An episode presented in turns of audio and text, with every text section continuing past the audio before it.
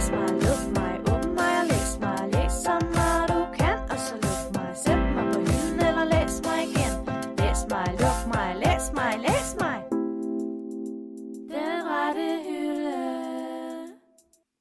I lytter til Den Rette Hylde, en podcast om at få læselisten sat i gang i en verden, hvor det ellers kan være svært at finde sin rette hylde mellem ambitiøs ønskelæsning og travl hverdag. Eller rettere sagt, at det er en podcast, vi laver som en rigtig, rigtig, rigtig god undskyldning for at snakke om bøger. Mit navn er Sissel Ringvad. Og jeg er Rebecca Væver. Velkommen til. Tak. Wow, har I savnet os derude? det er det helt store spørgsmål i dag. Og det er det, vores afsnit faktisk skal handle om. Er det det? Nej. Nej, overhovedet ikke. Men det kan være, at det, det, vi skal snakke om noget, som vi savner hver dag. Faktisk hver evig eneste dag. Altså hver time. Hver, hver minut. minut. Hver sekund. Hvert millisekund. Og så kan vi ikke tage den længere. Nej, jeg ved ikke mere. Nanosekund. Hmm. øhm, skal, vi, skal vi løfte sløret, skulle jeg til at sige? Ja, skal vi gøre det? Skal vi øh, løfte usynlighedskappen? vi har jo gået lidt og pynset på noget Ja. i månedsvis. Ja, det er jo lidt været ved tankerne, ikke? Jo, fuldstændig. Men som man måske kunne have fornemmet, eller man måske kan fornemme ud fra øh, de bøger, vi lidt har læst i løbet af de sidste par måneder, så har der været en, øh, en mening med galskaben. Ja, vi har simpelthen besluttet, at vi vil gerne øh, ære Harry Potter-serien endnu mere, end vi allerede gør. Altså, jeg føler, at vi name-dropper Harry Potter i hver afsnit. Det gør vi også. Måske lige så ofte, som jeg har name-droppet Twilight. Ja. Det tror jeg faktisk er rigtigt. Men, men det kan man jo ikke få nok af. Så derfor så, øh, så starter vi en serie. Og hvad hedder serien? Hedder den bare øh, Harry Potter og prik, prik, prik? Og den rette hylde. Ja. Ej, serien går ud på, at uh, Sissel og jeg, vi har jo været igennem et par Harry Potter-bøger i løbet af de sidste par måneder. Så vi tænkte jo smarte som vi er, og også med inputs fra jer derude, som også har nævnt, at I godt kunne tænke jer en serie som det her, og det er vi evigt taknemmelige for, at vi i et afsnit gennemgår hver Harry Potter-bog. Ja. Til den kloge, så kan man jo regne ud, at uh, der vil komme syv afsnit om Harry Potter. Hvornår de kommer, ved vi ikke Ej, helt. det var klogt. Hvad? Det var klogt. Tak. Ja. Ja, ja. Men øh, vi er jo ikke så mærkelige, at vi starter ved syveren. Så vi, vi tager simpelthen og går fra et. Det kunne ellers have været en god idé, at starte fra syveren til etteren. Jeg har ikke lige læst den endnu, så... Nej. Øh, Så stay tuned, men i hvert fald så er dagens tema Harry Potter og de vise sten. Men inden vi skal til at snakke om øhm, måske en af de bedste bøger i hele verden, who Ja. knows, så skal vi jo til ugens opdatering, som er vores faste ugenlige segment her i podcasten, hvor vi opdaterer hinanden på alt, hvad vi har læst i løbet af den sidste uge.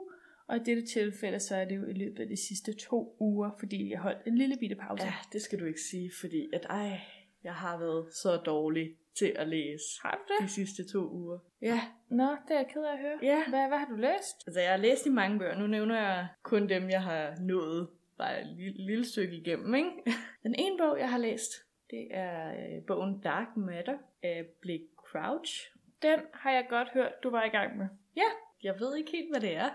Om det, det- er sci-fi eller action, eller... Det er den med en mand, der bliver kidnappet, ikke? Mm. Og så ved jeg ikke mere. Nej, han, han er forsker, eller var forsker i noget øh, kvantemekanik. Hvad hedder Ja. det? Quantum mechanics, physics, som jeg elsker.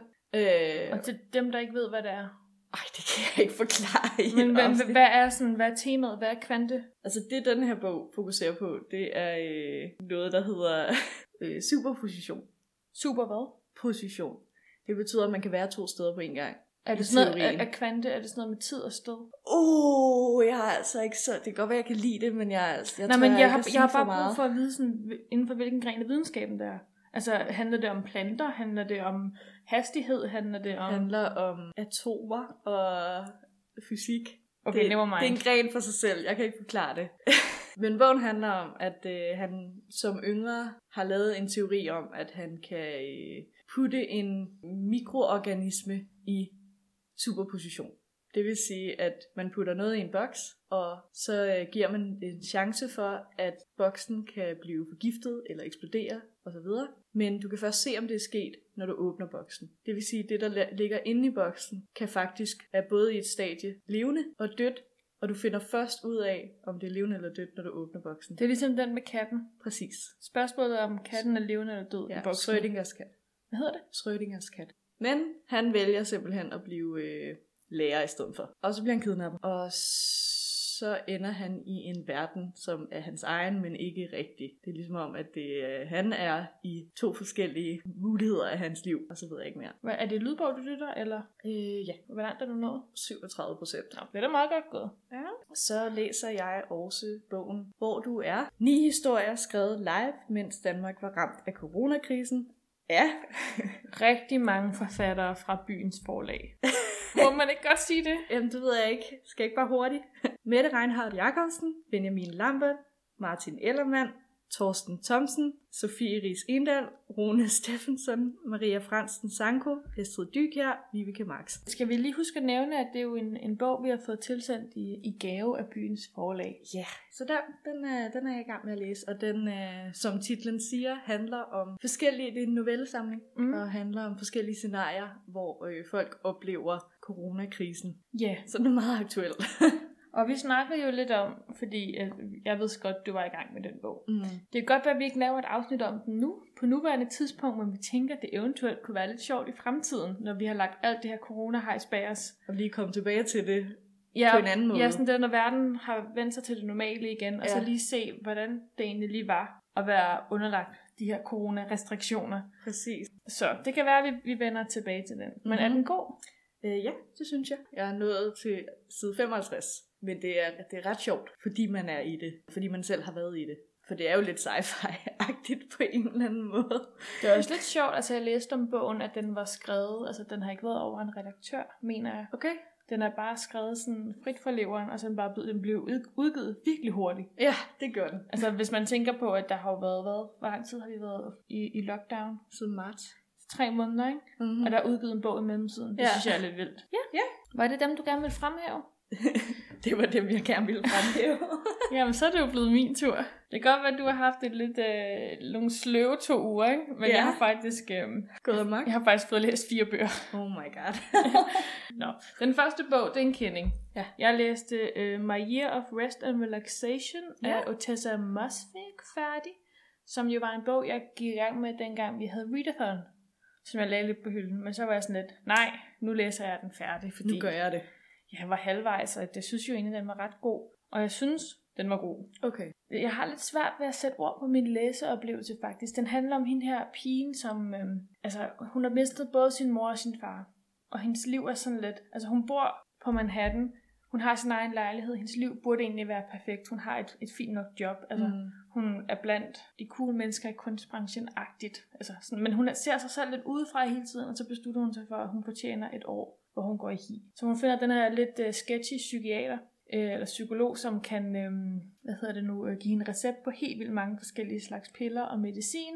Ja, det er sketchy. Ja, øhm, uden hun egentlig helt stiller spørgsmålstegn ved, om hende er hovedperson, hun egentlig fejler noget. Og så får hun alt det her medicin, og øh, hun begynder så sådan systematisk at tage det her, og ligesom regne ud, hvor lang tid hun så behøver at være vågen, når hun tager de her piller. Så den hele bogen er sådan ret døsig og sådan lidt øhm, konfus, og den, den, er skrevet ret sjovt. Øhm, men så vil jeg så sige, at slutningen, den fik mig virkelig, fordi på en eller anden måde, fordi man bliver lidt lullet ind i den her lidt tranceagtige Mhm. tilstand gennem sådan, hvad den har skrevet, så synes jeg, at slutningen, den sådan, den vækkede mig virkelig med sådan... Chokerer lidt, eller Nej, den chokerede ikke, men den vækkede mig på en eller anden underlig måde. Altså, sådan, der, der kunne jeg godt mærke, der, der var jeg lige sådan opmærksom til sidst. Okay. Ej, det, det, det, det, det er jeg føler sjovt. næsten, den skal, øhm, det skal opleves, og jeg gad godt vide, hvis andre har læst den, om de havde det på samme måde, fordi på en, det er fordi slutningen, det er virkelig forfærdeligt, men Mm. samtidig er det også virkelig sådan øjenåbende. Ja. Og nu, uden at nævne noget, Ja, uden at afsløre sige for noget. meget. Ja. Nå, men den, den kan i hvert fald anbefales. Okay. Øhm, og den er vist også lige kommet på dansk. Nå, så har jeg også fået læst en lydbog færdig, som var den her maraton-lydbog, jeg var i gang med på 15-16 timer, tror jeg øhm, som var De bedste af os af Helene Uri, som er den her universitetsroman, som handlede om øhm, de her professorer på det her fiktive institut, der hedder Institut for Lingvis- nej, Futuristisk Lingvistik, som handler om ham her professoren Paul, som lidt godt kan lide sin leder, men som også forelsker sig lidt i en af de nye professorer. Altså, det, det bliver lidt viklet ind i hinanden. Ja. og den er dejligt nørdet, og der er masser af sproglige referencer, og det er rigtig, rigtig godt. Øhm, historien er også ret fin. Der er nogle gode karakterer, man godt kan se sig selv i, og den er også fortalt. Eller ikke, man kan se sig selv i, men der er bare nogle gode, sådan, sjove karakterer. Ja. Og den er også sjovt fortalt. Fortællerstilen er meget sådan så skete det her, men det får vi først at vide senere. Den er sådan en altvidende fortæller, som jeg ret godt kan lide. Det synes jeg fungerede ret godt til denne her historie. Øhm, jeg havde lidt gættet slutningen, Nå, men sådan er det. Jeg var hørte det, den, var det okay alligevel? Eller... Ja, altså jeg hørte den nok ikke fra slutningen. Okay. Øhm, og jeg synes på en eller anden måde altid, at når jeg lytter til lydbog, at min læseoplevelse bliver lidt fragmenteret. Jeg sidder ikke de sidste 100 sider og tænker, hvad sker der? Fordi jeg ved ikke, hvornår jeg nået til de sidste 100 Nej. sider. Jeg har ingen fornemmelse af, hvornår jeg er på vej mod Det slutningen. er faktisk rigtigt. Men jeg synes, altså hvis man mangler en god, lang bog at lytte til, og man er interesseret i sprog og linguistik af hele det felt, så lyt til den. Altså så var den sjov. Den var underholdende. Jeg tror, jeg gav den tre stjerner. Det er faktisk de bøger, du har nævnt sådan for, for noget tid siden, så kommer det lige, fordi du har forklaret sådan meget lidt om dem de andre gange. Nu har man sådan ligesom Ja, ja, nu, nu får det man hele. Nå, men så har jeg også fået læst en anden bog. Og øh, Hvor du er, og var jo ikke den eneste bog, vi fik tilsendt af byens forlag. Vi fik også tilsendt bogen Solfrost af Rebecca Havmøller. Og først og fremmest vil jeg bare lige sige et flot navn. jeg elsker at læse bøger folk, der hedder det samme som mig. Ej, men det er sådan en, øhm, en ny roman. Altså, jeg tror, det er hendes debutroman, ja. faktisk, som handler om øh, de her to personer, Carla og Sylvester, som først bliver roommates i København, og så bliver de faktisk forelskede, og de bliver sådan altså stormende nyforelskede. Indtil der sker noget i deres liv, der gør, at det hele bare bliver vendt op og ned, hele deres forhold, selvom alt syntes at være rigtig, rigtig godt. Så på en eller anden måde, så starter den ud som sådan en rigtig, altså sådan en roman, hvor man bare bliver sådan lidt glad, og man ikke rigtig mm. kan slippe den til en roman, hvor man egentlig synes, det bliver lidt ubehageligt til sidst, men man også synes, den er ret god. Den har lidt to dele. Så det skifter lidt genre på en eller anden måde. Ja, eller den tager bare en, en lidt en uvending, men jeg kan, altså det er ikke fordi, jeg ikke kan lide den uvending. Mm. Jeg havde bare ikke set det komme, Nej. hvilket er underligt, fordi jeg havde alligevel læst nogle interviews med hende, og jeg havde læst bagsideteksten, men jeg tror måske også, at det er fint ved sådan at skrive en bog, at, at jeg kan blive så opslugt af, Du glemmer, at Ja. du har hørt om alt det her udenfor. jeg glemmer, hvad der skal ske. Men jeg kunne faktisk rigtig godt lide den, og jeg vil sige... Er du færdig med den? Ja, jeg er blevet Ja. færdig. Og lige så snart jeg kom i gang med den, så jeg kunne ikke stoppe. Altså, jeg, jeg, har, jeg, har, jeg tror, jeg læste den på et par dage. Ja, okay. Den var, den var ret god. Den gav mig lidt sådan... Jeg ved ikke helt, hvilke vibes jeg vil sige, den gav mig, men den var bare en rigtig god læseoplevelse. Mm. Og så synes jeg bare, sådan, det er fedt med, med nye forfattere, som sådan kan slå benene væk under en Ja. ja. på den måde. Dejligt med noget godt dansk litteratur. Det er lang tid siden, jeg har læst det. Øhm, Det siger du altid. Ja. du læser altid. Nå, men sådan, normalt har jeg jo læst de lidt nordiske, Ja, sådan det lidt tunge være. romaner. Ja, Ja, det her, er det var sådan lidt mere let, uden at være let, mm. hvis det giver mening. Nå, den sidste bog, jeg har læst, Det går vildt for sig. Åh, oh, ja, det bliver bare mig, der plapper. Undskyld. Det Nå, men gør ikke noget. det, sådan er det, når vi holder flere ugers pause. Altså, som jeg sagde sidst, jeg har måske lidt fundet min hylde lige Ja. nu. Jeg har også læst, færdiglæst bogen Queenie af Candice Cardi Williams, som er blevet beskrevet som en, en, en sort Bridget Jones af mange. Øhm, Okay. og jeg kan godt se lidt se sammenligning. Jeg vil så sige, at den her bog, den var tusind gange bedre end Bridget Jones dagbog, fordi Uh. den læste jeg en gang, og jeg synes ikke, den var særlig god. Jeg Nå, synes, okay. filmen er tusind gange bedre. Den handler om hende her, øh, Queenie, som er øh, en sort kvinde i midt-20'erne, hvor hendes øh, kæreste og hende beslutter sig for at øh, tage en pause fra hinanden. Og så skal hun ligesom prøve på at finde sig selv igen, og ligesom øh, finde ud af, hvem hun er, og hun ender med at have en masse forhold til en masse mænd, og altså, hun, kan ikke, hun ved ikke helt, hvor hun er, mens hun savner Nej. den her kæreste. Øhm, og så handler det generelt bare om hen- hendes liv i London som, som sort kvinde. Øhm, meget apropos det, der sker Mhm. mm-hmm. i øjeblikket, kunne jeg ikke slet ikke lade være med at tænke på, da jeg læste den. Altså, den handler også om racisme, og hvordan det er at være, skal man også passe på, hvad man siger, ikke? men sådan sort blandt hvide, altså Ja. sådan privilegier. Og det med at at date en, en hvid mand, når man er sort, og ja, sådan hvordan hele hendes liv ser ud kontra andres liv. Ja. Ja, den, altså den var god. Jeg tror, jeg gav den tre stjerner, for jeg kunne godt lide sådan selve historien. Jeg synes sådan strukturelt i historien, Okay. var der noget, der ikke helt fungerede. Så det Der var, var- mere sådan skrivestilen måske, eller hvad? Som du ikke kunne... Ja, jeg kunne ikke lide skrivestilen, Nej. eller sådan den måde, at de gik fra de forskellige begivenheder Okay. på. Og nogle gange føltes det lidt forceret. Der var en masse flashbacks, hvor jeg var sådan lidt, "Huh, det giver ingen mening, de er Okay. her. Eller sådan, der var, der var noget, hvor jeg var sådan, men jeg kan godt se, at tematikken og sådan selve historien er virkelig vigtig at få fortalt, og for det synes jeg også, den er rigtig god. Mm. Øhm, ja. Men nogle gange er det også fedt, hvis den så kan blive fortalt på en måde, der ikke forvirrer. Ja, men det var ikke fordi den forvirrede. Jeg tror bare, der var nogle steder, hvor jeg sad og var sådan lidt... Det, altså sådan... Det er ligegyldigt. Nej, det, det var mere bare, det sådan... Øhm, hvad hedder det? Altså det skurede lidt i mine øjne, sådan de der sådan, ikke så smooth overgange, der okay. var mellem det hele. Okay. Og, ja. Nå, Ligesom en dårligt skrevet opgave. nej. jeg prøver. Ja, jeg tror ikke, jeg, tror ikke, jeg kan forklare det bedre. Nej, det skurede okay. bare lidt i mine øjne. Kan du ikke det nogle gange, når man, skal, når man læser, så skal man ikke tænke over, hvordan det er skrevet, så skal man bare læse. ja, og det Ja. tænkte du for meget over. Præcis. Ja.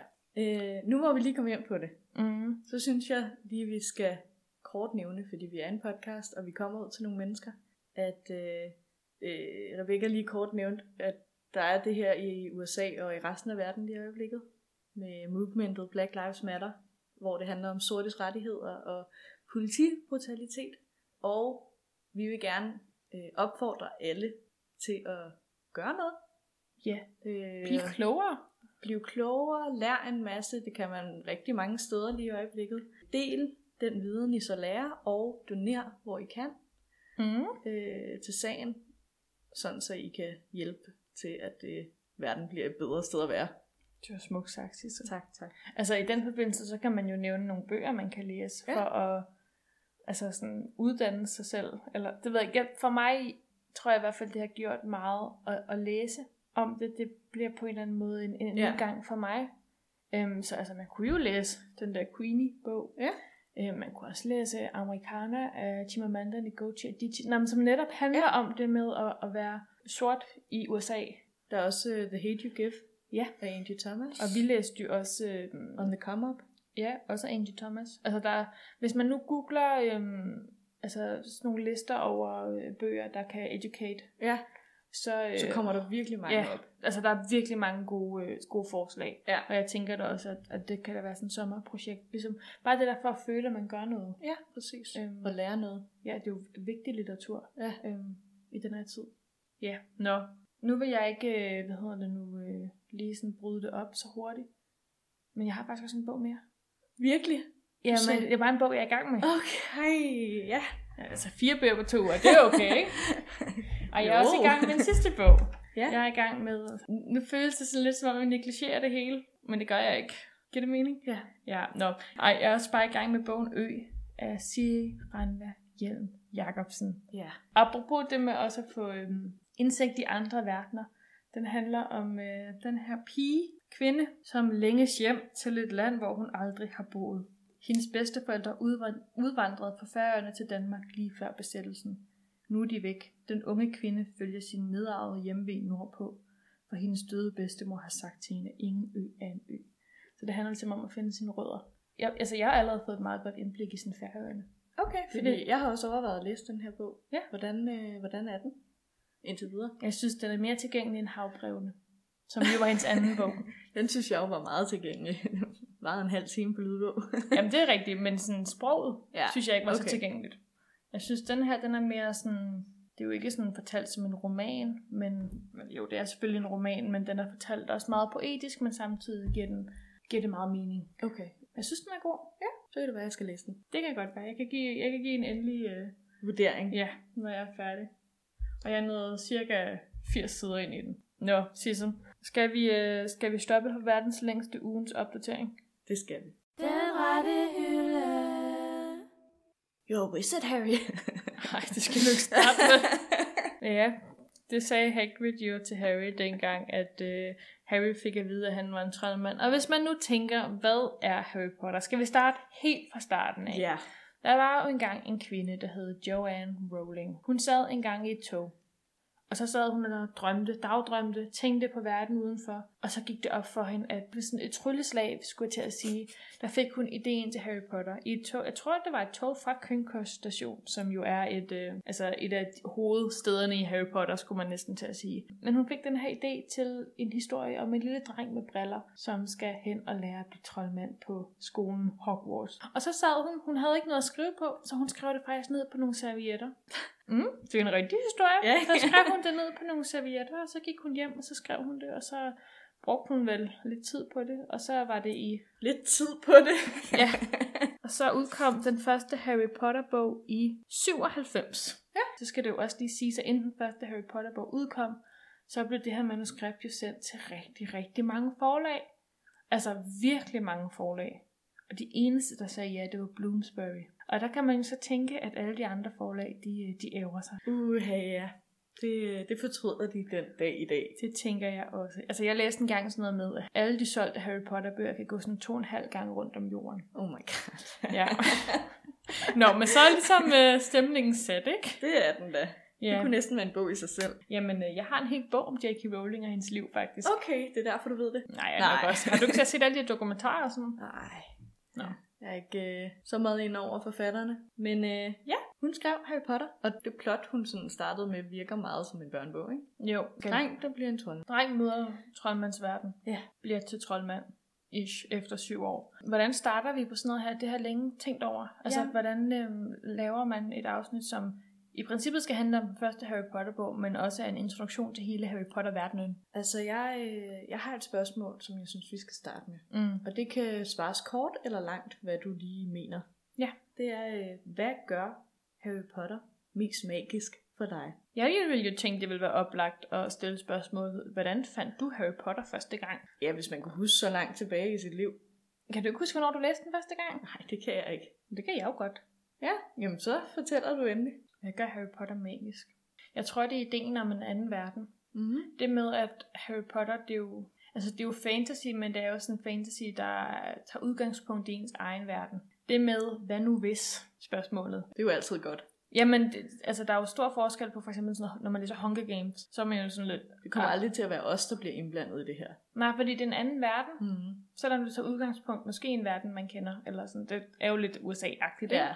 Men nej, Harry Potter, der er jo bare den her tydelige skillelinje mellem sådan os, muggler og troldmandsverdenen. Ja. Og det hele virker totalt plausibelt, at der kan ligge et slot langt oppe i Nordskotland. Ja, som Hvor- ingen lige ved er magisk. Ja. Jeg øh, har selv noteret mig nogle ting om, hvad jeg synes, der er mest magisk. Mm. Og jeg tror, det er det der med, altså selvfølgelig det der med, at man, det er en anden verden. Altså man kommer ind i den her magiske verden. Men jeg har altid været meget glad for sådan noget med skoler. Altså hvor man, kan, hvor man lærer noget med hovedpersonen. Mm. Så det ikke er sådan noget med, at nu ved jeg godt, at Harry Potter rent faktisk skal redde verden, men det er ikke sådan noget, de kommer ind, og så redder de verden. Der er ligesom det her skoleforløb først. Og øh, at det er en skole, man bor på, så man danner ligesom sin familie på den skole. Mm. Det synes jeg har været det, der har gjort det mest sådan, ved ikke, fanget mig mest, det er det der, de der forhold, der bliver lavet, fordi det er en skole, man bor på, plus at man så lærer magi langsomt. Ja. Altså, og at ens evner, eller øh, Harrys evner for eksempel, kan fysisk ses. Det kan jeg også godt lide. Altså, at magien bliver jo visuel og fysisk, Men det, så jo, man kan se, at han udvikler sig. men det er jo måske også det fine ved især Harry Potter 1 som bog. Ja. Det kan være, vi lige skal, skal vi fortælle til de uindvidede, hvad den handler om. Ja. Altså alle ved jo godt, hvad Harry Potter handler om. Men det er jo ham med en lille dreng, der bor hos sin øh, onkel og tante, ikke? En Jo. lille forstad i England. En lille trist forstad. Drømmer om en bedre tilværelse. Bliver mobbet af sine fætter. Mm. Og sin Og sin, hele sin familie Ja. bliver han mobbet af. Der er ingen, der kan lide ham. Nej. Så en dag, så kommer der en kæmpe mand hen til ham og siger, You're wizard, Harry. Det er Hagrid, som tager ham, som tager ham med hen for at købe sine skolebøger. Og så tager han ham med på Hogwarts, som er den her skole for trold, troldmænd og hekse Ja. i England. Hvor der er en meget, meget sød øh, rektor, der hedder Dumbledore. Ja, det siger du. Øhm, problemet er med Harry, er, at hans forældre blev dræbt. Ikke bare et biluheld, biuheld, et biluheld, som hans tante og onkel har sagt, men af øh, den ondeste og stærkeste troldmand nogensinde, Lord Voldemort. Voldemort. Men da han prøvede på at dræbe Harry, der dræbte Harry Voldemort. Eller han forsvandt i hvert fald. Og det eneste mærke, Harry har efter dette møde med Lord Voldemort, er et lynformet ar i panden. Og på grund af det, Mm. så er Harry, selvom han ikke ved noget som helst om magi, den mest berømte Troldmand. troldmand i troldmands verdenen. Og derfor kan det jo også godt være lidt svært at få nogle venner. Ja. Men heldigvis, så får han altså to gode venner, Ron og Hermione. Ja, jeg vil sige, uh, Hermione er lidt senere. Ja, det, det, det kommer, ikke? Jo. Men uh, Ron, han er der fra starten af. Han er Det er the. OG.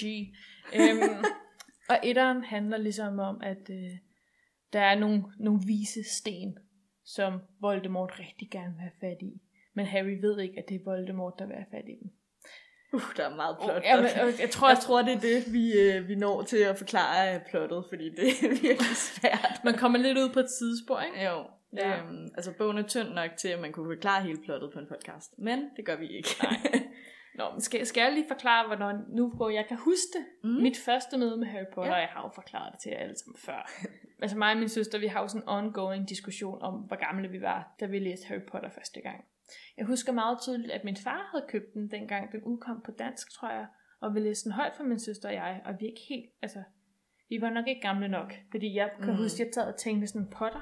Er det en, der laver sådan, altså sådan lærpotter? Ja. Jeg forstod intet. øhm, og så så jeg filmen dengang, den kom på VHS. Og det må have været i 2001, et eller andet. Så jeg har været 6 år. Synes, den var vildt uhyggelig. Jeg havde altså mareridt efterfølgende mange gange om Fluffy. Som jo i princippet er den mindst uhyggelige del af den film. Altså jeg tænker noget Voldemort til allersidst. Ja, præcis. Men jeg husker i hvert fald, at jeg havde, jeg havde lidt mareridt om den hund. Jeg var heller ikke så vild med hunden på daværende tidspunkt. Øhm, og efterfølgende, så tror jeg måske, at min, min mor købte bogen, og så øh, fik Så jeg... amok. Nej, men så fik jeg vist læst den højt af hende. Og så begyndte min søster og jeg at læse dem. Så jeg tror måske, vi har været sådan omkring syv år, Mm. da vi læste dem første gang. Okay. For det var nok også i, øh, det var i de tidligere klasser, kan jeg huske, at min klasselærer, øh, vi gik i samme klasse, hun var sådan, I skal stoppe med at læse Harry Potter nu. Vær social med de andre. Ja. øh, og jeg startede med, hvis der er nogen, der sådan, måske kan pinpointe yderligere for mig, så startede jeg med at læse Harry Potter dengang, at femmeren ikke var udkommet Okay. på dansk. Ja. Så det er sådan en god lille time frame lige have. Så kan jeg også sådan, nu hvor du snakker, så kan jeg huske, at mit første møde med det var filmen, Mm. mm. etteren, som jeg så valgte at se, jeg tror over en måned så jeg den hver dag. Den var også god. Og jeg, jeg ved ikke, hvorfor jeg gjorde det som barn. Jeg så hver gang jeg kunne lide en film, så så jeg den hver dag. Ja, så jeg har engang set High School Musical fire gange på en dag. Så Det er godt, jeg sidder med dig. Ja. Så kan jeg ikke blive judged, fordi du har set High School Musical fire gange på en dag. fremragende film. Øhm, så den dag, der var gået. Ja. Den skulle ses. Ja, så altså, det er i hvert fald tydeligvis et univers, man bliver opslugt af. Men om man kan heller ikke huske en tid, hvor Harry Potter ikke har været en del af mit liv. Mm. Og det må vel betyde også, at man har gjort det relativt tidligt. Ja. Hvis vi så ser på den her bog, og ikke universet, Harry Potter og de vise sten, så synes jeg, vi skal snakke lidt om den. Ja. Fordi hvordan havde du det med starten? Jeg synes selv, det første kapitel var meget langsomt, da jeg læste det her igen. Jeg har faktisk altid haft det lidt svært ved Harry Potter 1. Jeg Ja. tror, det er den bog, jeg har læst mindst gange. Altså, jeg værdsætter den for, at det er den, der ligesom sætter gang i det hele. Ja, den skal være der. Og den er dejligt nostalgisk, men jeg har altid synes det har været den kedeligste bog. Den og toeren har jeg faktisk aldrig rigtig genlæst, fordi jeg synes, det har været de kedeligste bøger. Ja. Men jeg vil sige, jeg læste den jo for nylig, skulle jeg til at sige, det var sidste F... Nej, For? nej, det Nej. var efteråret 18, det var da jeg var i Norge. Okay, ja. Der læste jeg den jo igen. Og der kom det lidt bag på mig, hvor nostalgisk det var. Jeg tror også, jeg nævnte det i et afsnit dengang, med sådan, at jeg lidt havde lyst til bare at... Jeg fik lidt tårer i øjnene, når jeg læste om Harry Potter, fordi jeg synes, han var så sød og sådan, så, mm. så uskyldig. Altså, han, vidste, han ved jo ikke noget endnu. Han er jo ikke blevet mærket af alt det, han senere kommer til at blive mærket Nej. af. Han er bare et lille barn. Ja. Som, ja, bare Harry. Præcis. Um, just, just Harry.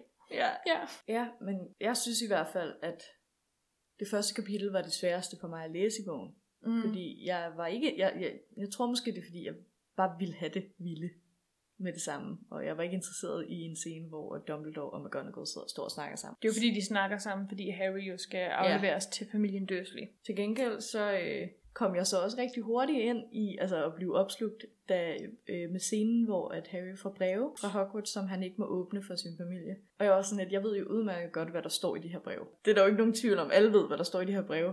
Men jeg var sådan helt øh, lige så spændt som Harry, og lige så frustreret som Harry i den scene, da jeg læste den. Det var meget mærkeligt. Men det er ligesom hver gang jeg ser filmen, Ja. så er jeg sådan lidt, hvorfor den nu! kan han ikke få fat i sådan, altså hvorfor kan han ikke bare tage en kæmpe stak af de der breve, i stedet for sådan at stå og famle efter de der breve? Det er så dumt. Ja, der kunne jeg, der kunne jeg mærke, at jeg var sådan lidt, wow, Ja. da han så endelig får det, og der står, at han er en troldmand. Men det viser jo også egentlig, hvor god en bog det er, at man Præcis. stadig er investeret, selvom man ved, hvad der sker. Jamen, jeg tror også, det var det, der overraskede mig. At, at en scene, som er... Altså, jeg ved jo udmærket godt alt, der sker, Mm. og hvad der står i det brev, og at Hagrid kommer. Men det hele overraskede mig igen. Det var en meget mærkelig oplevelse. Nu sagde du, at du synes Harry var sød, ikke? Mm. Noterede jeg mig bare lige, ikke? Det synes jeg. Men øhm, det, jeg jo faktisk bedst kan lide ved den her bog, Og det kan være, at det også er de andre bøger, men i hvert fald den her bog, det er, at uh, Harry, han er virkelig sassy. Ej, det er han altså jo, ikke etteren. han er. Hvornår er han sassy? Altså sassy som i... Hvordan oversætter man det? Øhm, Sådan lidt smart i en fart. ja, lidt. Eller han er, sådan, han er klog, men tør godt at svare igen. Meget sådan chill.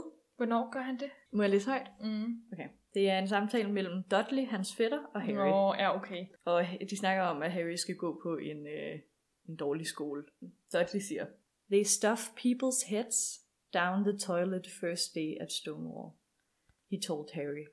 Want to come upstairs and practice? No thanks, said Harry. The poor toilets never had anything as horrible as your head down it. It might be sick. Det er sassy. Men han er jo altid sådan mod Dudley. Nå, sådan, er, sådan er han altså også mod de andre. Jeg synes, jeg, Jeg jeg så- synes det var fedt, at han ikke var sådan en, øhm, der bare trak sig sammen. Altså sådan accepterede, at han blev mobbet. Altså, Det er rigtigt. Altså, det han kan jeg godt altid, lide. Han Han er, virkede som en stærk karakter, som man kunne se op til. Han er altid sådan, altså, sagt ting igen, ikke? Præcis. Altså, han har altid sagt fra, og Ja. han, og han er jo også kun... Det er måske meget fint, han er jo 11 år, Mm. kan man sige. Altså, jeg vil sige, det der sådan, jeg hæftede mig mest med, det var den der sådan barndommens glæde. Ja. Og det der med at være, at være lille igen, og måske også sådan forventningens glæde, og det der med at, at, at føle sig også sådan ved nye begyndelser, føle sig sådan lidt Uha. nervøs, eller Ja. sådan ikke helt vide det, fordi jeg har nemlig også et citat, hvor jeg, altså jeg kunne virkelig godt lide det, fordi jeg synes, det på en eller anden måde indrammer det ret fint. Mm. Sådan Harrys forventning til det her nye liv, der skal til at starte for ham, og at han ikke helt ved, hvor han er henne. Det må også være svært at forvente noget, ikke? jo, men også det der med, at han jo ikke helt ved, hvad det er, han er gået med, altså er gået ind til. Ja. Det, er jo, det, er jo, altså, det er jo en helt ny Harry, der skal til at, at blomstre op, ikke? Jo. Nå, men så er det, når han skal øh, hvad hedder det, fordeles af fordelingshatten, Mm. Så tænker han det her for sig selv. If only the hat had mentioned a house for people who felt a bit queasy, that would have been the one for him. Mm. Og det synes jeg bare, Nå. Nå, men det synes jeg bare er så Ja. fint. Det, ved jeg det, det kan jeg bare virkelig godt lide. Ja. Sådan, på en eller anden måde gør det ham dejligt menneskelig, at han ikke er den her over Gryffindor. Altså, der er jo de her fire huse, Mm. og Gryffindor er jo de modige. Jeg tror også tit, det var noget, jeg tænkte med... Altså, jeg elsker filmene. Men jeg tror tit ikke, Harry Potter var min yndlingskarakter, fordi jeg synes, han var så arrogant. Men jeg kan godt lide de her små tanker, han har i bøgerne, som gør, at man ser, okay, han er helt almindelig menneske, og han er faktisk et realistisk menneske. Han tør mm. sige igen, men han er også nervøs. Ja. Så han er ikke den her stereotype. Nej, der er mange dimensioner til ham ja. i bogen. Altså, der er også et andet citat, hvor at jeg tror, at det er der, hvor han øh, får at vide, at han skal på Hogwarts, tror jeg. Ja. Der står blandt andet, Harry scrambled to his feet, so happy he felt as though a large balloon was swelling inside him. Nå. Og jeg sådan, altså bare de der følelser. Ja. Ja. Nå, Sissel. nu har vi snakket lidt om Harry som karakter, ikke? Jo. Jeg vil rigtig gerne vide, synes du, at øh, nu hvor vi har læst alle de andre bøger i serien også, Mm. synes du, at Harry Potter 1 er en god eller en dårlig introduktion til hele universet? Jeg synes, det er en god introduktion. Mm. Selvom at det er en bog, som måske er lidt kedelig i forhold til de andre, så synes jeg, så er jeg jo ret vild med det der med, at øh, bøgerne de vokser med læseren, fordi læseren bliver ældre, og på samme måde så bliver det ikke bare øh, Harry, der bliver ældre i bøgerne, det er også genren, der bliver for ældre børn. Så jeg kan godt lide, at etteren ligesom er lidt, lidt for børn, mens at syveren for eksempel er Hardcore. hardcore alle dør. Spoiler. så jeg vil synes, det var ærgerligt, hvis den ikke havde den her lidt øh, simple start. Fordi jeg godt kan lide, hvordan det så vokser. Hvad med dig? Jeg synes også, det er en god introduktion til universet. Jeg, jeg kan virkelig godt lide det, du siger med, at det ikke bare er bøgerne, der vokser, men det er også en selv, der vokser med mm. bøgerne. Fordi det er jo så rigtigt, der er jo også et tidspunkt i filmatiseringerne, hvor at der ikke er dansk tale mere, fordi Ja. ja. man vurderer, at det ikke er for yngre børn Ja. mere. Jeg tror aldrig, at jeg har oplevet en serie, som gør det på samme måde. Det med, at den udvikler sig så meget, men så elegant på sin vis. Ja. Jeg sad til gengæld og tænkte på, sådan, at bogen er, den føles meget sådan standalone-agtig. Du ved, som en enkeltstående bog, uden Ja. at det, altså man kan jo sagtens læse den, og så ikke læse de Kan andre man det? det kan man jo i princippet godt, fordi den har jo den her klassiske hjem ude hjemmestruktur. Og så kan man jo så fortolke det hjem, er det hos Døslis, eller er det, han har fundet sin plads i, i verden. Mm. Men der er jo den her altså, lidt tydelige slutning på dramaet. Ja. Altså han ender jo i hospitalsfløjen, og så er det hele godt igen. Han har jo reddet dagen. Det er sådan lidt eventyragtigt, ikke? Ja, præcis. Altså sådan, og det føler jeg også, hvis vi skal gå lidt videre i serien, at toeren har. Mens i treeren, så bevæger vi os lidt uden for den. Så begynder universet ligesom, så begynder der at komme tråde til ting, der vil ske Senere. sidenhen, som Ja. så måske egentlig rigtigt manifesterer sig i fireren, hvor vi ved, okay, nu kan, er, der, er der ikke nogen, der kan se sig tilbage. Altså nu bliver vi bare nødt til at se fremad. Fordi Ja. fireren især er sådan en, den kan ikke stå alene. Så etteren og toeren, hvis vi følger på rettemodellen, det er introduktionen. Ja, eller sådan, de, de har bare den her klare struktur, ja.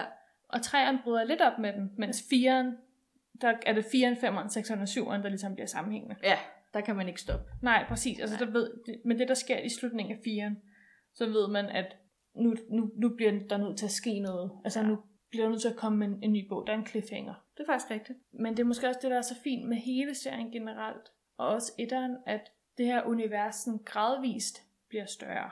Altså i etteren havde man jo ingen idé om, hvor stort det ville blive. Mm. Man havde jo ingen idé om, hvor komplekst det ville være heller. Nej, overhovedet Altså, ikke. jeg tænker stadig, jeg synes, det er lidt imponerende, hun har skrevet etteren. Og så er der alligevel, når man læser den, er der så mange ledetråde til, hvad der vil ske sidenhen i bøgerne. Ja. Altså sådan helt op i 5'eren, 6'eren og 7'eren. Det kan godt være, at det ikke er noget, hun har tænkt, da hun skrev etteren, men så har hun været god til at tænke på det i femeren og gå tilbage til sine bøger. Jeg har altså set en dokumentar med hende, ikke? Ja. Det er altså ret vildt. Hun har planlagt Altså hun det. har sådan nogle kæmpe spreadsheets Ja. med karakterer, og hvordan det hele er infiltreret Mm. hinanden. Det er virkelig godt planlagt. Ja. Men der er jo også nogle, altså hvis man går på YouTube og finder de der... Øhm, Plothuller. Ja, og googler sådan noget Harry Potter plot holes. Altså, der kommer der rigtig mange videoer frem med folk, der bare sidder og snakker om, hvordan plottet ikke helt fungerer. Ja. Men altså, sådan Men er det, det, synes jo. jeg også er sådan lidt, altså det er jo ikke noget, man vil lægge mærke til, når man bare lige læser den, Nej. øh, synes jeg selv. Så skal man lede efter det. Ja, men det er der også nogen, der gør. Ja. altså, intet univers er perfekt, vil jeg sige. Og jeg synes, Harry Heller Potter... ikke vores. At, nej, vores er heller ikke, men jeg synes, Harry Potter er tæt på at være sådan perfekt skrevet. Enig. Altså på en eller anden måde er det sådan en bog, der... Øh, den føles bare ikke gammel. Altså jeg synes, Nej. der er nogle bøger, hvor man læser dem, hvor man er sådan lidt... Åh, det føles bare... Øh, det føles som om, det er skrevet i en anden tid. Jeg tænkte faktisk også øh, med, altså aktivt, da jeg læste øh, etteren, fordi jeg vidste, hvor gammel den nu var. Og man la- lagde mærke til det, om der var meget øh, tegn på, altså sådan en masse ting, man ikke gør mere, eller øh, ting i deres hjem, vi ikke bruger mere. Og det synes jeg slet ikke, man lagde mærke til, fordi det er jo smart, altså hun har tænkt sig om, J.K. Rowling. Mm. Øh, hun har tænkt, den skulle holde i altid, fordi på Hogwarts, så må der jo ikke være teknologi. Nej. Det, det virker ikke, og derfor så mangler man det heller ikke. Og man, det er ikke sådan en gammel Nokia-telefon, de bruger i bøgerne, fordi der er ikke telefoner. Nej, fordi det er der, hvor bøger begynder at blive at føles gamle, når Præcis. der er Nokia-telefoner, eller en klaptelefon, eller et eller andet. Eller en øh, med hjul. Ja, en, hvad hedder det? En Ja. ja. landline. en landline-telefon. Ja, no. Øhm, så det Fastnet synes jeg telefon. var godt, godt klart, godt tænkt af hende. Allerede fra starten. Spørgsmålet er, om hun bevidst har tænkt det, eller om det bare har været... Men også bare sådan karakteren, altså sådan hele karaktergalleriet, synes jeg heller ikke virker forældet. Enig. Nu vil jeg så lige, det er helt andet, ikke? Mm. Men apropos karakterer, så handler meget af den her bog jo om, hvor øh, mistænksomme de er over for Snape. Mm. Hvilket irriterer mig voldsomt meget, fordi jeg synes, den mest mistænksomme person i den her bog, det er Dumbledore. Hvorfor Dumbledore? Der er den her scene med det her spejl, Mm. som er i et rum. The Mirror of Erised. Ja, og når Harry går ind Drømmespejlet. i øh, det her rum og ser i spejlet, så ser han, hvad han allermest kunne tænke sig. Man finder jo så ud af bagefter, at Dumbledore bare har plantet det der, fordi han ved, at Harry vil redde verden. Og Dumbledore virker som sådan en puppet mager.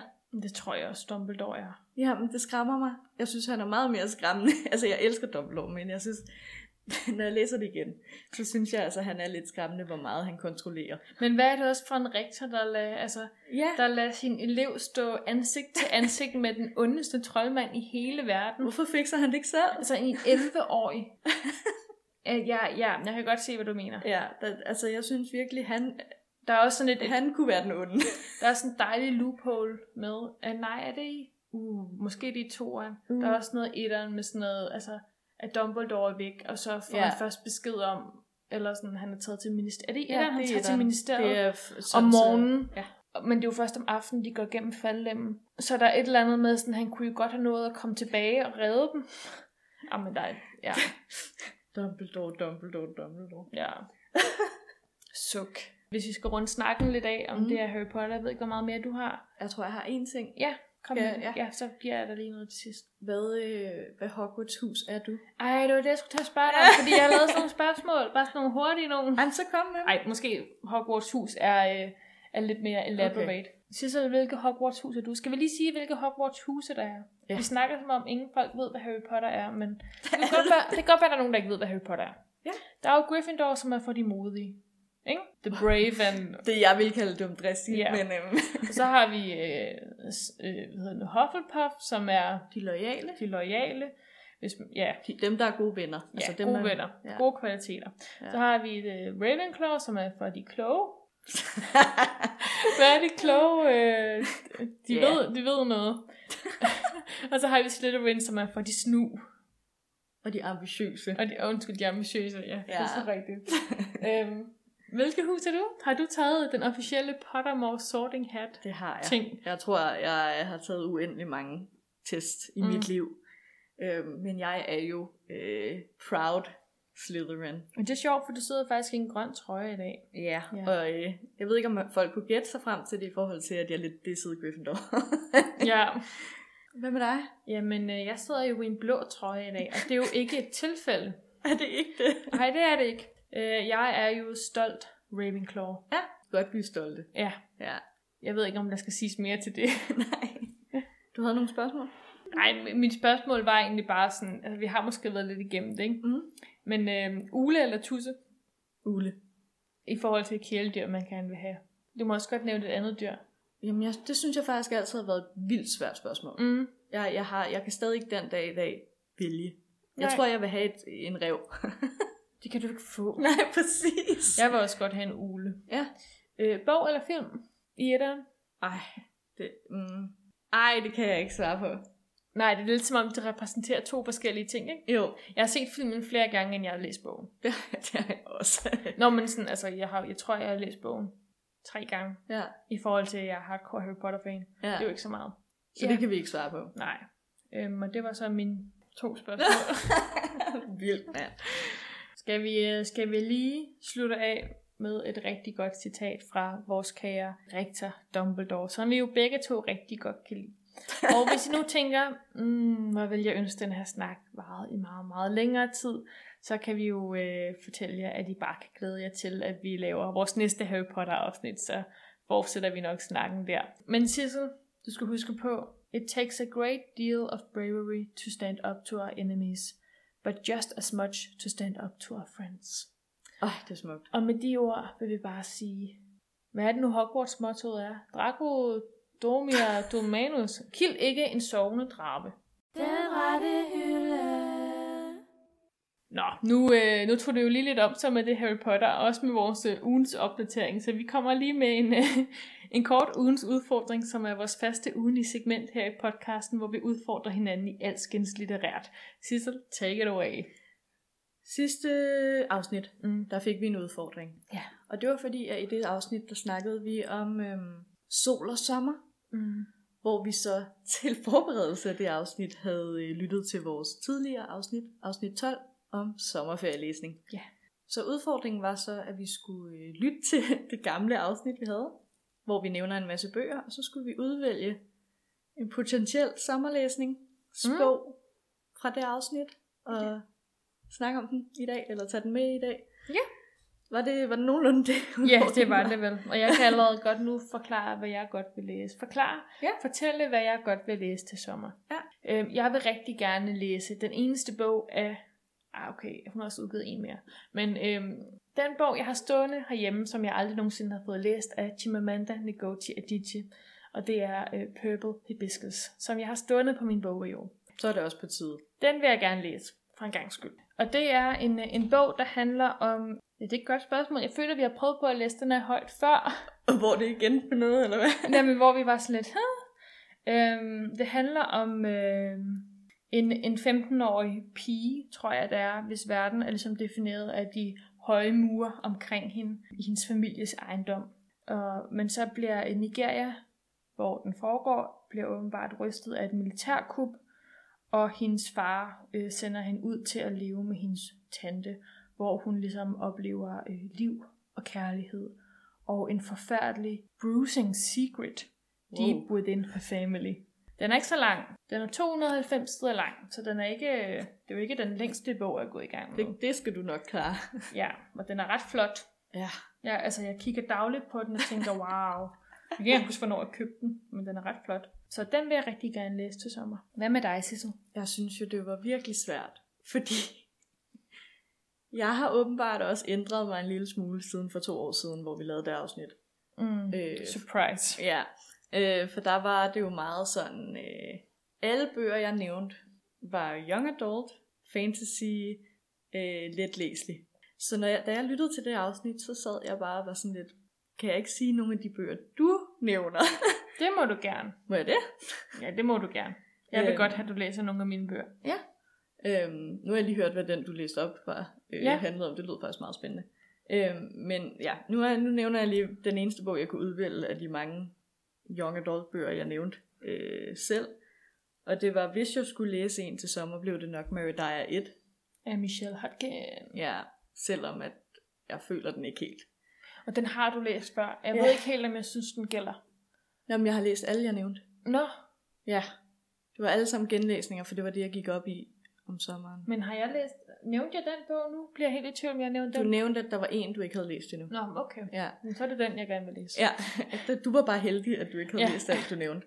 Men jeg synes faktisk, øh, The Help Mm. vil jeg gerne læse. Min mor siger hele tiden, at jeg skal læse den. Ja. Øh, og du siger hele tiden, at jeg skal læse den. Eller det gjorde du dengang. Men den er også god. Jeg, jeg, Øhm, nu Du undrer dig, jeg hvor bare- den er. Jeg kigger lige lidt søgende på min bogreol, for at se, hvor den er. Det kan være, at den står inde i stuen, eller så er Ja. den bag en af... Jeg har sådan en underlig bogreol, hvor man ikke rigtig helt kan se alle bøgerne. Så det er lidt spændende, hvad der ligger om bagved. Ja, der er sådan en ramme om bogreolen, der Ja. skjuler lidt nogle rygge. Men øh, den kunne jeg egentlig godt tænke mig at læse. Jeg synes, jeg gider ikke rigtig at genlæse super meget den her sommer. Nej, det kan jeg godt forstå. Jeg vil gerne have noget nyt. Det behøver ikke være så let mere. Jeg tror, det var fordi, jeg stressede med skole dengang, at det skulle være let læseligt. Ja, Men nu hvor jeg ikke går i skole mere, så må det godt være lidt dybere litteratur om sommeren. Det forstår jeg godt. Ja. Mm, Mm. God idé. Jamen, du må godt låne det helper mig. Hvis vi kan finde Vi skal bare lige lokalisere den. Så Tak. finder vi den. Var det, uh, var det det? Skal vi have en udfordring til næste uge, eller skal vi lige break it to the people? Jeg tror, vi breaker det, og så holder vi uden udfordring måske. Ja, Ja. skal vi... Øhm, altså sidste gang fik vi jo at vide, at øhm, nogle af os sad med hjertet lidt op i halsen, da vi sagde det. Øhm, fordi at der, der sker jo det i vores liv, at... Øhm, åh, men altså, det er jo svært at sætte ord på, hvordan, hvordan man skal sige sådan noget, men øhm, efter øh, 31 afsnit i den her sæson, i sæson 3, som jo faktisk har gjort den til... Øh, Alt for langt. Ah, men, ja, også alt for lang. Meget svært at sige, men, men også ja, den længste sæson i den rette hyldes historie. Så har Sissel og jeg besluttet os for, at det er på tide sætte punktum for nu. Du er så hård. Ja. Ej, det er jo fordi, at uh, sæson 3 lakker mod enden, ikke? Jo. Altså måske er vi også lidt at springe den der, øhm, altså hvordan definerer man egentlig en sæson i den rette hylde regi? Vi ved det ikke helt selv, men nu vi besluttet os for, at øh, sæson 3 slutter med det her smukke, smukke afsnit om Harry Potter. Og så vender vi stærkt tilbage i sæson 4. Så vi ved ikke helt, hvornår sæson 4 kommer endnu, Men den kommer. men den kommer. I hvert fald holder vi en pause. Vi holder noget sommerferie. Ja, så vi kan få læst en masse bøger, men det betyder jo ikke, at vi forsvinder helt fra jeres liv, fordi at for det første kan man jo altid lytte til vores afsnit på iTunes, og på SoundCloud og på Spotify. Man kan søge på den rette hylde, og så dukker vi op. Og det andet, der kan man trykke på, jeg tror på alle steder kan man trykke på en lille knap, så man kan følge eller abonnere eller gøre et eller andet. Og så i hvert fald på iTunes, så får man en besked hver gang vi har lagt et nyt afsnit op, og det sker så ikke forløbig. Men jeg vil sige, der er også 68 plus afsnit, Mm, der ligger derinde nu. Så øh, nu er det på tide lige at gå tilbage. Der er masser at tage. Der er øh, to års arbejde, skulle jeg sige. To og et halvt års. Arbejde. Ja. Ja. Derudover, hvis man nu kommer til at savne os alt for meget, så kan man jo følge os på både Facebook og på Instagram, hvor vi jo ofte og tit lægger ting ud. Altså, vi kommer jo garanteret til at opdatere med, hvad vi sidder og læser, eller hvad Præcis. vi laver af litterære ting. Så altså, følg os derinde. Det, Det er jo ikke være... fordi, vi holder pause på podcasten, vi holder bare pause på at lave afsnit. Ja, Så husk, at øh, af fælles derinde, Mm. mm. og lyt med, når vi kommer tilbage. Ja, altså det er jo også derinde, man kan lidt holde sig opdateret på, hvornår vi kommer tilbage, ikke? Jo.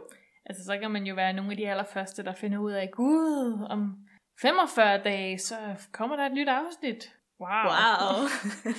Nej. Ja. Og øh, det kan være, at vi også lige skal huske at sige, at øh, hvis der er nogen, der har nogle rigtig, rigtig gode idéer til, øh, hvilke nogle afsnit vi kan lave i sæson 4, så Ja. skriv det til os. Vi har øh, både, ja, både på Instagram og på Facebook, men vi har også en mail, der hedder den rette hylde podcast, gmail.com.